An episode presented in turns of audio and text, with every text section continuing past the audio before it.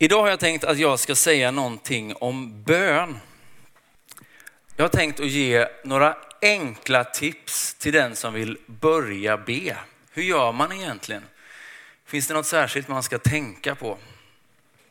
Och sen hade jag tänkt att säga någonting om arbete. Och jag kommer prata om arbete och arbetsplats, men jag tänker det här i en ganska bred bemärkelse.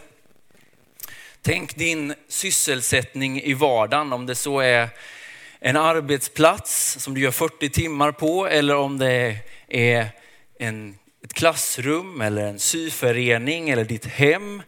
Din sysselsättning i vardagen, det tänker jag, men det är, det är ditt arbete. Vad har Gud egentligen att säga om vårt arbete? Så först någonting om bön och sen någonting om arbete. Bön. Var börjar man någonstans? Bön är ju kommunikation med Gud. Men hur gör man? Finns det någonting särskilt man ska tänka på? Ni ska få tre stycken tips ifrån mig idag. De är inte från mig, utan de är ifrån en mästare i bön, nämligen Jesus. För jag tror att det är precis så vi ska tänka om Jesus. Han var en mästare i bön. Vid ett tillfälle så så ställer ju lärjungarna frågan, eh, lär oss att be, när de ser Jesus be. De har ju troligtvis bett hela sina liv, men när de ser honom be, då är det något speciellt. Jesus han är en mästare i bön. Vad kan vi liksom ta från honom och hans undervisning när det kommer till det här ämnet? Nu om du har en bibel kan du få hänga med till dagens text som finns i Matteus evangeliet. Kapitel 6, vers 5 eh, och några verser framåt. Där står det så här. När ni ber ska ni inte göra som hycklarna. De älskar att stå och be i synagogorna och i gathörnen för att människorna ska se dem. Sannerligen, de har redan fått ut sin lön. Nej, när du ber, gå in i din kammare, stäng dörren och be till din fader som är, ser i det fördolda. Då ska din fader som ser i det fördolda belöna dig. Och när ni ber ska ni inte rabbla tomma ord som hedningarna. De tror att de ska bli bönhörda för de många ordens skull. Gör inte som det. Så er fader vet eh, vad ni behöver redan innan ni har bett honom om det. Så ska ni be. Vår Fader, du som är i himmelen, låt ditt namn bli helgat. Låt ditt rike komma. Låt din vilja ske på jorden så som i himmelen. Ge oss idag vårt bröd för dagen som kommer och förlåt oss våra skulder, liksom vi har förlåtit dem som står i skuld till oss och utsätt oss inte för prövning utan rädda oss från det onda. Det första som Jesus säger i den här texten det är att när du ber så ska du inte göra som hycklarna. Det grekiska ordet för hycklare det är hypokrites. Och det är samma ord som används för skådespelare. Vad är, det vad är det en skådespelare gör? De spelar en roll. Så fort de kommer i ett nytt sammanhang eller en ny sättning så har skådespelaren uppgiften att vara någon annan. Så det första Jesus säger det är att spela inte en roll, var dig själv. När du ber, försök inte att imponera på alla andra med fina böner, utan var ärlig. Säg som det är. Det finns ett citat som jag gillar från C.S. Lewis som går ungefär så här att vi måste lägga fram för honom saker som det är, inte som det borde vara. Ni vet, det är lätt att fastna i att man ber för hur det borde vara. Nej, men det är precis lika viktigt att be för saker som de är. Att vara ärlig. Det är det första rådet. Var dig själv. Jag har fått ett tips någon gång att när man ber så ska man fånga kaniner. Som jag tycker är ganska bra. För du vet när man sitter hemma och man ber så är det ganska enkelt att det kommer en annan tanke och svischar förbi. Helt plötsligt så börjar man tänka på, är det inte slut på mjölk? Det kanske är dags att handla lite. Eller så börjar man oroa sig lite för boräntorna. Det kommer en tanke, en kanin och hoppar förbi. Och så kanske man känner sig lite oandlig. För att man helt plötsligt börjar tänka på något helt annat. Och då är det här tipset att man ska fånga in kaninerna som kommer till en. Det vill säga det som poppar upp till dig när du ber, ta vara på det. Fånga in de här kaninerna. Börjar du tänka på handlingen, ja men be då för handlingen. Börjar du tänka för boräntorna, ja men be då för boräntorna. Fånga de här kaninerna. Ta det som du redan har i dig. Allt det som är bra men också det som är dåligt och ta med det i bönen. Var dig själv. Det andra som Jesus säger i den här texten, det är ju gå in på din kammare. Det kan ju låta lite som att Jesus vill att vi ska gå och gömma oss. Jag tror inte att det är riktigt det han är ute efter. Jag tänker att det mer är att du och jag ska hitta en plats, kanske en rutin där vi kan vara oss själva. Du ska inte bara hitta en rutin, du ska hitta din rutin. Därför kan ju det här skilja sig. För någon är det kanske att sätta sig i den där favoritfåtöljen på morgonen fem minuter med en kopp te i handen. Där är du mest bekväm. Och för någon annan är det kanske att ta bönestunden på pendeln till jobbet. Och för någon tredje kanske det är att sjunka ner i soffan eller gå en skogspromenad. Hitta en rutin och håll fast vid den. Den behöver inte vara någon annans rutin, utan det kan faktiskt få vara din rutin. När Jesus har gett de här två tipsen så börjar han tala om att Gud är som en far. Och det är ju så den här bönen börjar också. Vår far, Abba far. Abba är ett ord för pappa ungefär. Och i det här rummet som vi sitter nu kan man ju ha en massa olika erfarenheter av pappa. Jag är, är liksom välsignad med att ha en bra relation med min pappa. Jag känner alltid att jag kan gå till honom och jag kan prata om vad som helst. Han är ju bara glad när jag ringer. Och jag tänker att när mina söner vill någonting till mig, ja men då är jag också bara glad. Sen kan man ju sitta och ha en, haft en dålig relation till sin pappa. Men då vet man ju också att någonting är fel. Och Jesus uppmanar oss att se på Gud som en god far. Han är där. Han vet redan vad du vill be för. Så det tredje tipset, det är ju att påminna sig om att Gud är lika med far. Ibland när man träffar människor så, eh, så vill de ju gärna berätta att de inte tror på Gud. Och då eh, tycker jag då är det kul att fråga så här, ja, men vilken Gud tror du inte på? Och då brukar de ofta berätta att ja, men, det är den här guden, jag kan inte tro på en gud som för krig och jag kan inte tro på en gud som är tyst. Jag kan inte tro på en gud som är det här och det här och det här. Och då, då kan man ju faktiskt säga, ja men jag tror inte heller på den guden. Jag tror på en god far. Sån är den guden jag tillber. Han är alltid där. Han har mig i ryggen. Jag kan alltid komma med det som ligger på mitt hjärta.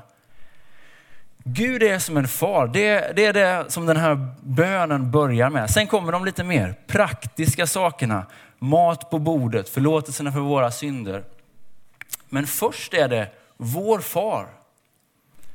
Vem är det du ber för, för till? Men det är liksom hela grejen.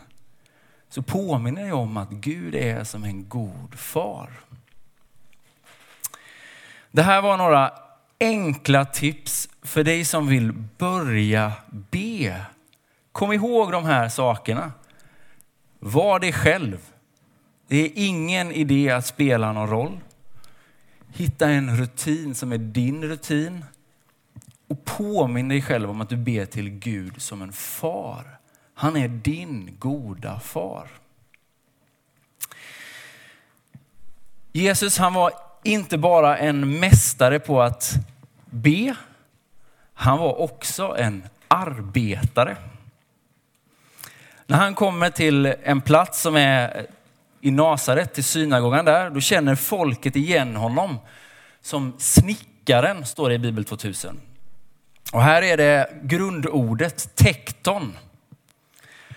Och kanske kan man säga att det är en beskrivning av hantverkare på den här tiden. Var man en tekton, då kunde man hugga i sten, man kunde kanske bygga hus eller dörrar eller möbler. Vi vet inte exakt vad Jesus gjorde, men min poäng är att han var en arbetare. Han hade ett vanligt kneg där han mötte vanliga människor. Jesus var en arbetare. Det finns en, en uppdelning som jag tror är något av det sämsta som har hänt kristen tro överhuvudtaget. Och det är uppdelningen mellan andligt och vardagligt. Det vill säga en syn på andlighet som någonting som sker på en, en specifik plats. Kanske i kyrkan eller ett kloster eller vid specifika tillfällen. En syn på bön som någonting som sker i kyrkan. Och en syn på vardagen som tömd på helighet och andlighet. Som att arbetet inte har någonting med min tro att göra. Den här uppdelningen den är liksom gammal som gatan. Men den finns inte i Bibeln. Ordet andlig finns inte i hela gamla testamentet. Alltså från första Mosebok till Malaki så finns inte ordet andlig. Varför då? Jo, för att allt är andligt. Tänk på en sån bok som tredje Mosebok som är fylld av regler och lagar. Och man kan ju liksom förvånas lite. Varför är det viktigt att man ska veta hur man ska dra upp en åsna på en sabbat? Men kanske är det för att de där små vardagliga detaljerna spelar roll för Gud. Ordet andlig finns inte i evangelierna, berättelserna om Jesus. Ordet finns hos Paulus i Nya Testamentet, men han använder ordet på ett lite annat sätt.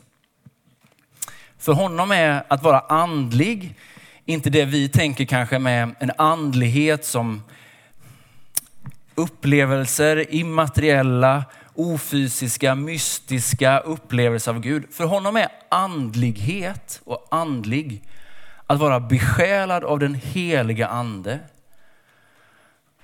och därför leva ut sitt kall och sitt uppdrag här på jorden. Så var kommer då den här uppdelningen ifrån? Nu kommer det en liten så här historielektion. Jag ber om ursäkt för det, men jag ska försöka göra den så bra och rolig som jag bara kan. Den här uppdelningen kommer ifrån den grekiska filosofin. Och vi kan, om vi nu ska nämna någon så kan vi nämna Platon. För han har exakt det här tänket. En fysisk värld och en andlig värld. Och Platons mål är att ta sig från den fysiska världen in i den andliga världen.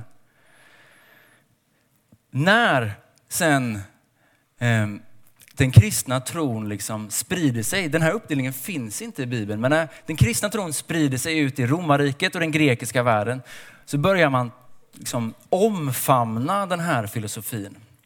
Och den blir nästan ett med kristen teologi. Och så fortsätter det här tänket ungefär någonstans till medeltiden.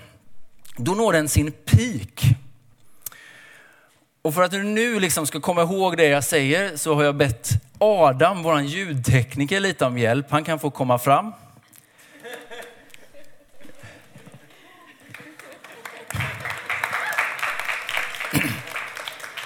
Eh, han har inte klippt sig på uppdrag av mig. Eh, utan eh, jag såg detta eh, fantastiska verk i morse och tänkte Adam ska jag använda i min predikan. Han är liksom mitt roliga inslag idag. Tack för att du ställer upp Adam. När den här liksom eh, uppdelningen tar sin peak under medeltiden så är det självklart att om du ska följa Gud så har du två alternativ. Antingen ska du bli präst eller munk. Jag vet inte om det ingick att vara en munk i badbyxor, men, men det var de två alternativen du hade. Tack Adam. Ge dem en applåd.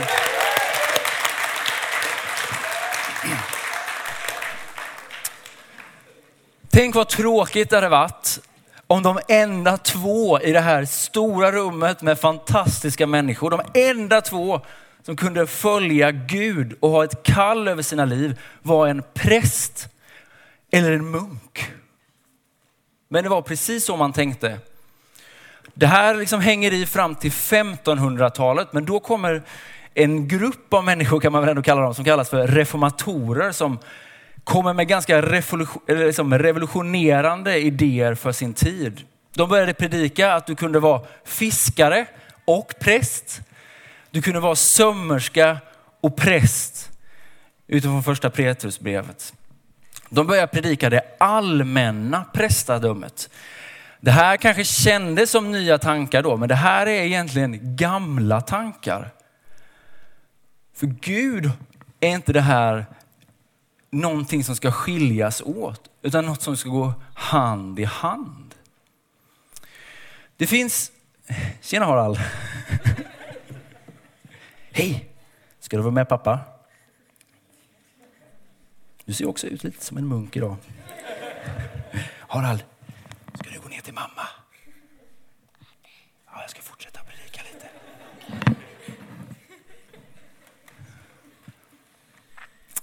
Det finns två stycken kall. Det här är inte heller någonting jag har kommit på själv, utan det finns många belästa människor, mycket mer belästa människor än jag som, som hävdar detta. Att det finns två stycken kall eller uppdrag ifrån Gud till människan i Bibeln. Det första har ni redan hört idag och det är ett som vi ofta betonar i Bibeln, eller i kyrkan. Det är från Matteus evangeliet 28 och 19 där det står gå ut och gör alla folk till lärjungar. Döp dem i Faderns och Sonens och den heliga Andes namn. Det är ett fantastiskt uppdrag och det är en sån glädje när vi får ha dop i kyrkan och känna att vi lever mitt i det här uppdraget att göra lärjungar. Men det finns ett till uppdrag som är mycket tidigare och som vi kan hitta i första Mosebok. Jag tänkte jag ska läsa det för er. Det är ju det första som Gud säger till Adam och Eva. Gud välsignade dem och sade till dem, var fruktsamma och föröka er. Uppfyll jorden och lägg den under er. Härska över havets fiskar och himlens fåglar över alla djur som myllrar på jorden. Det finns ju några saker man kan liksom hoppa lite för i den här versen. För det första så kan man ju fundera varför Gud måste berätta det här för människan. Alltså, måste Gud berätta att man måste föröka sig? Det där sker ju lite av naturen. Djuren är ganska bra på att föröka sig. Och jag tänker att det är ganska självklart. Det andra man kan liksom kanske hoppa lite inför i det här uppdraget, det är ju det här ordet härska. Vi kanske kopplar det till den utvecklingen som har varit de senaste hundra åren där människan har liksom utvunnit och förgiftat planeten. Är det det som Gud säger med att härska. Jag tror absolut inte att det är det som Gud menar med att härska eller råda över den här planeten. Nyckeln att förstå det här uppdraget kanske finns i den här lilla, lilla liksom ordföljden uppfyll jorden. Idén är liksom att Adam och Eva ska ta deras lilla spirande familj och så ska de göra någonting mer. De ska skapa ett samhälle. Här har du skog, gör någonting av den. Här har du en flod, få den att arbeta för dig. Här har du metaller i jorden, gör någonting med det. Gör någonting bra. Och den andra nyckeln är ju att det här uppdraget ges i Eden. Det vill säga, det är inte vad som helst som ska göras eller skapas, utan det är, det är ett gott samhälle. Eden betyder glädje eller välbehag. Det vill säga, du har uppdraget att runt dig skapa ett Eden. Se till att det finns mänsklig välgång, glädje, att det finns välbehag och att det är någonting som behagar Gud. Det här är min poäng. Oavsett vad du jobbar med, om du är IT-tekniker på Telia, om du är kassör på Ikea, om du är, arbetar med driftstörningar på SJ, om du är hantverkare eller städare eller busschaufför. Vad du än gör så har du ett kall över ditt liv. Du har ett kall att gå ut och göra människor till lärjungar. Men du har också ett kall att skapa god kultur omkring dig. Så om du vill se en förvandlad arbetsplats omkring dig så vill jag att du ska ställa fyra frågor. Nu kan du för en liten stund, för din inre blick, tänka på din arbetsplats. Tänk på dina kollegor, tänk på de människorna som finns omkring dig. Har du inte en arbetsplats, men tänk på ditt sammanhang där du, där du är verksam, din sysselsättning.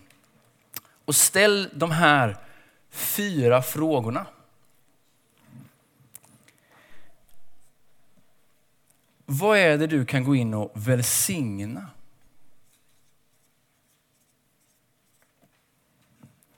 Vad är det som redan är gott?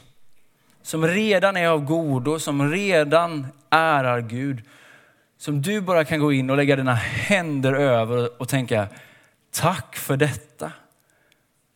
Vad är det du kan vara med och uppmuntra som redan är riktigt bra?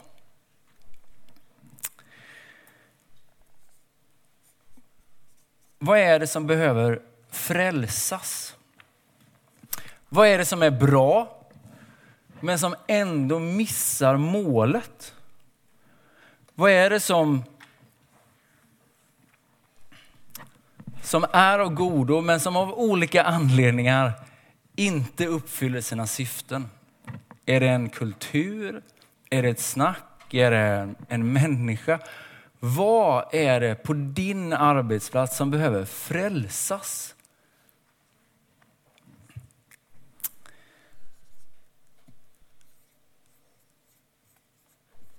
Vad är det som behöver stopp och stoppas? Vad är det som inte är bra? Vad är det som, eh, som skaver i dig? Är det ett skitsnack om chefen? Är det en annan liksom, osund kultur? Vad är det där du kan få gå in och säga stopp, det här är inte okej. Okay. Och så sista.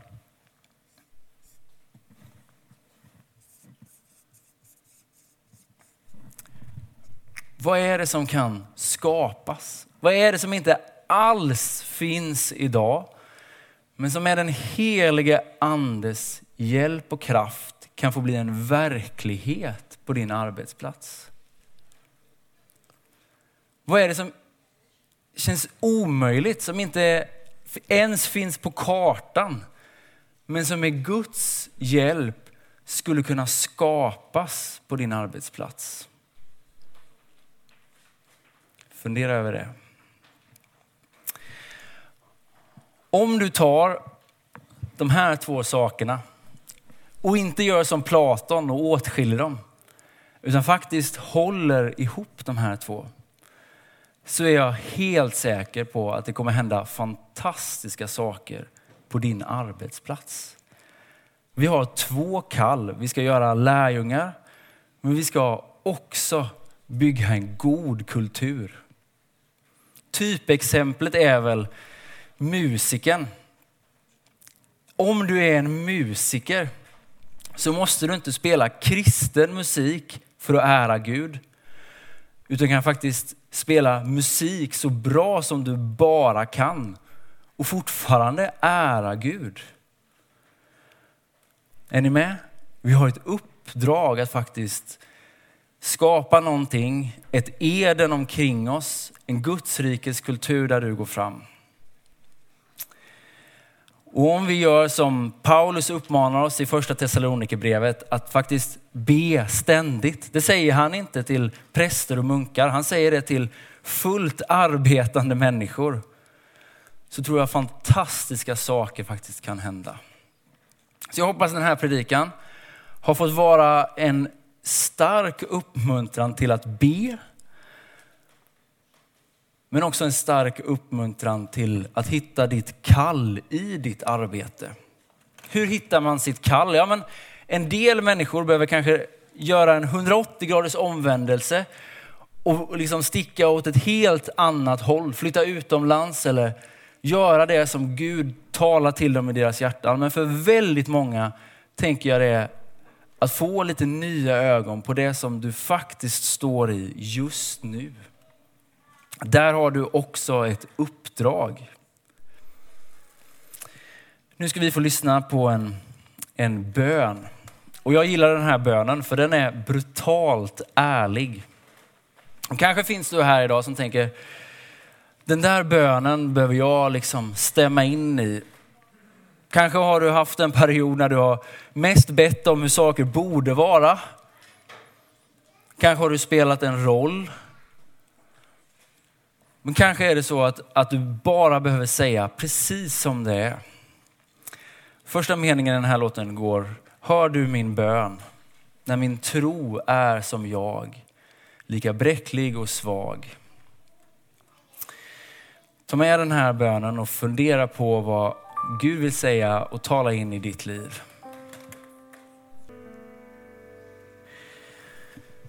Jesus han var en mästare i bön, men han var också en arbetare, en tekton, en hantverkare. Och Paulus han var tältmakare. Det jag har försökt liksom säga den här söndagen, den här predikan är att det är inte mindre andligt att vara analytiker, ekonom eller busschaufför. Ditt arbete spelar roll. Inte bara för ett gäng politiker i riksdagen, utan det spelar faktiskt roll för Gud.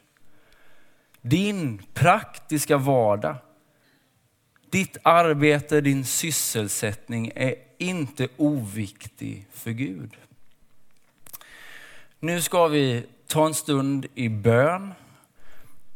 Och jag tänker att det är en perfekt stund att be för det som du står mitt i, i den här veckan som kommer framför. Kanske ska du ta med de här fyra frågorna. Vad är det du kan gå in och välsigna den här veckan? Vad är det som behöver frälsas? Vad är det som ska stoppas? Och vad är det som med den heliga andes hjälp kan få skapas den här veckan?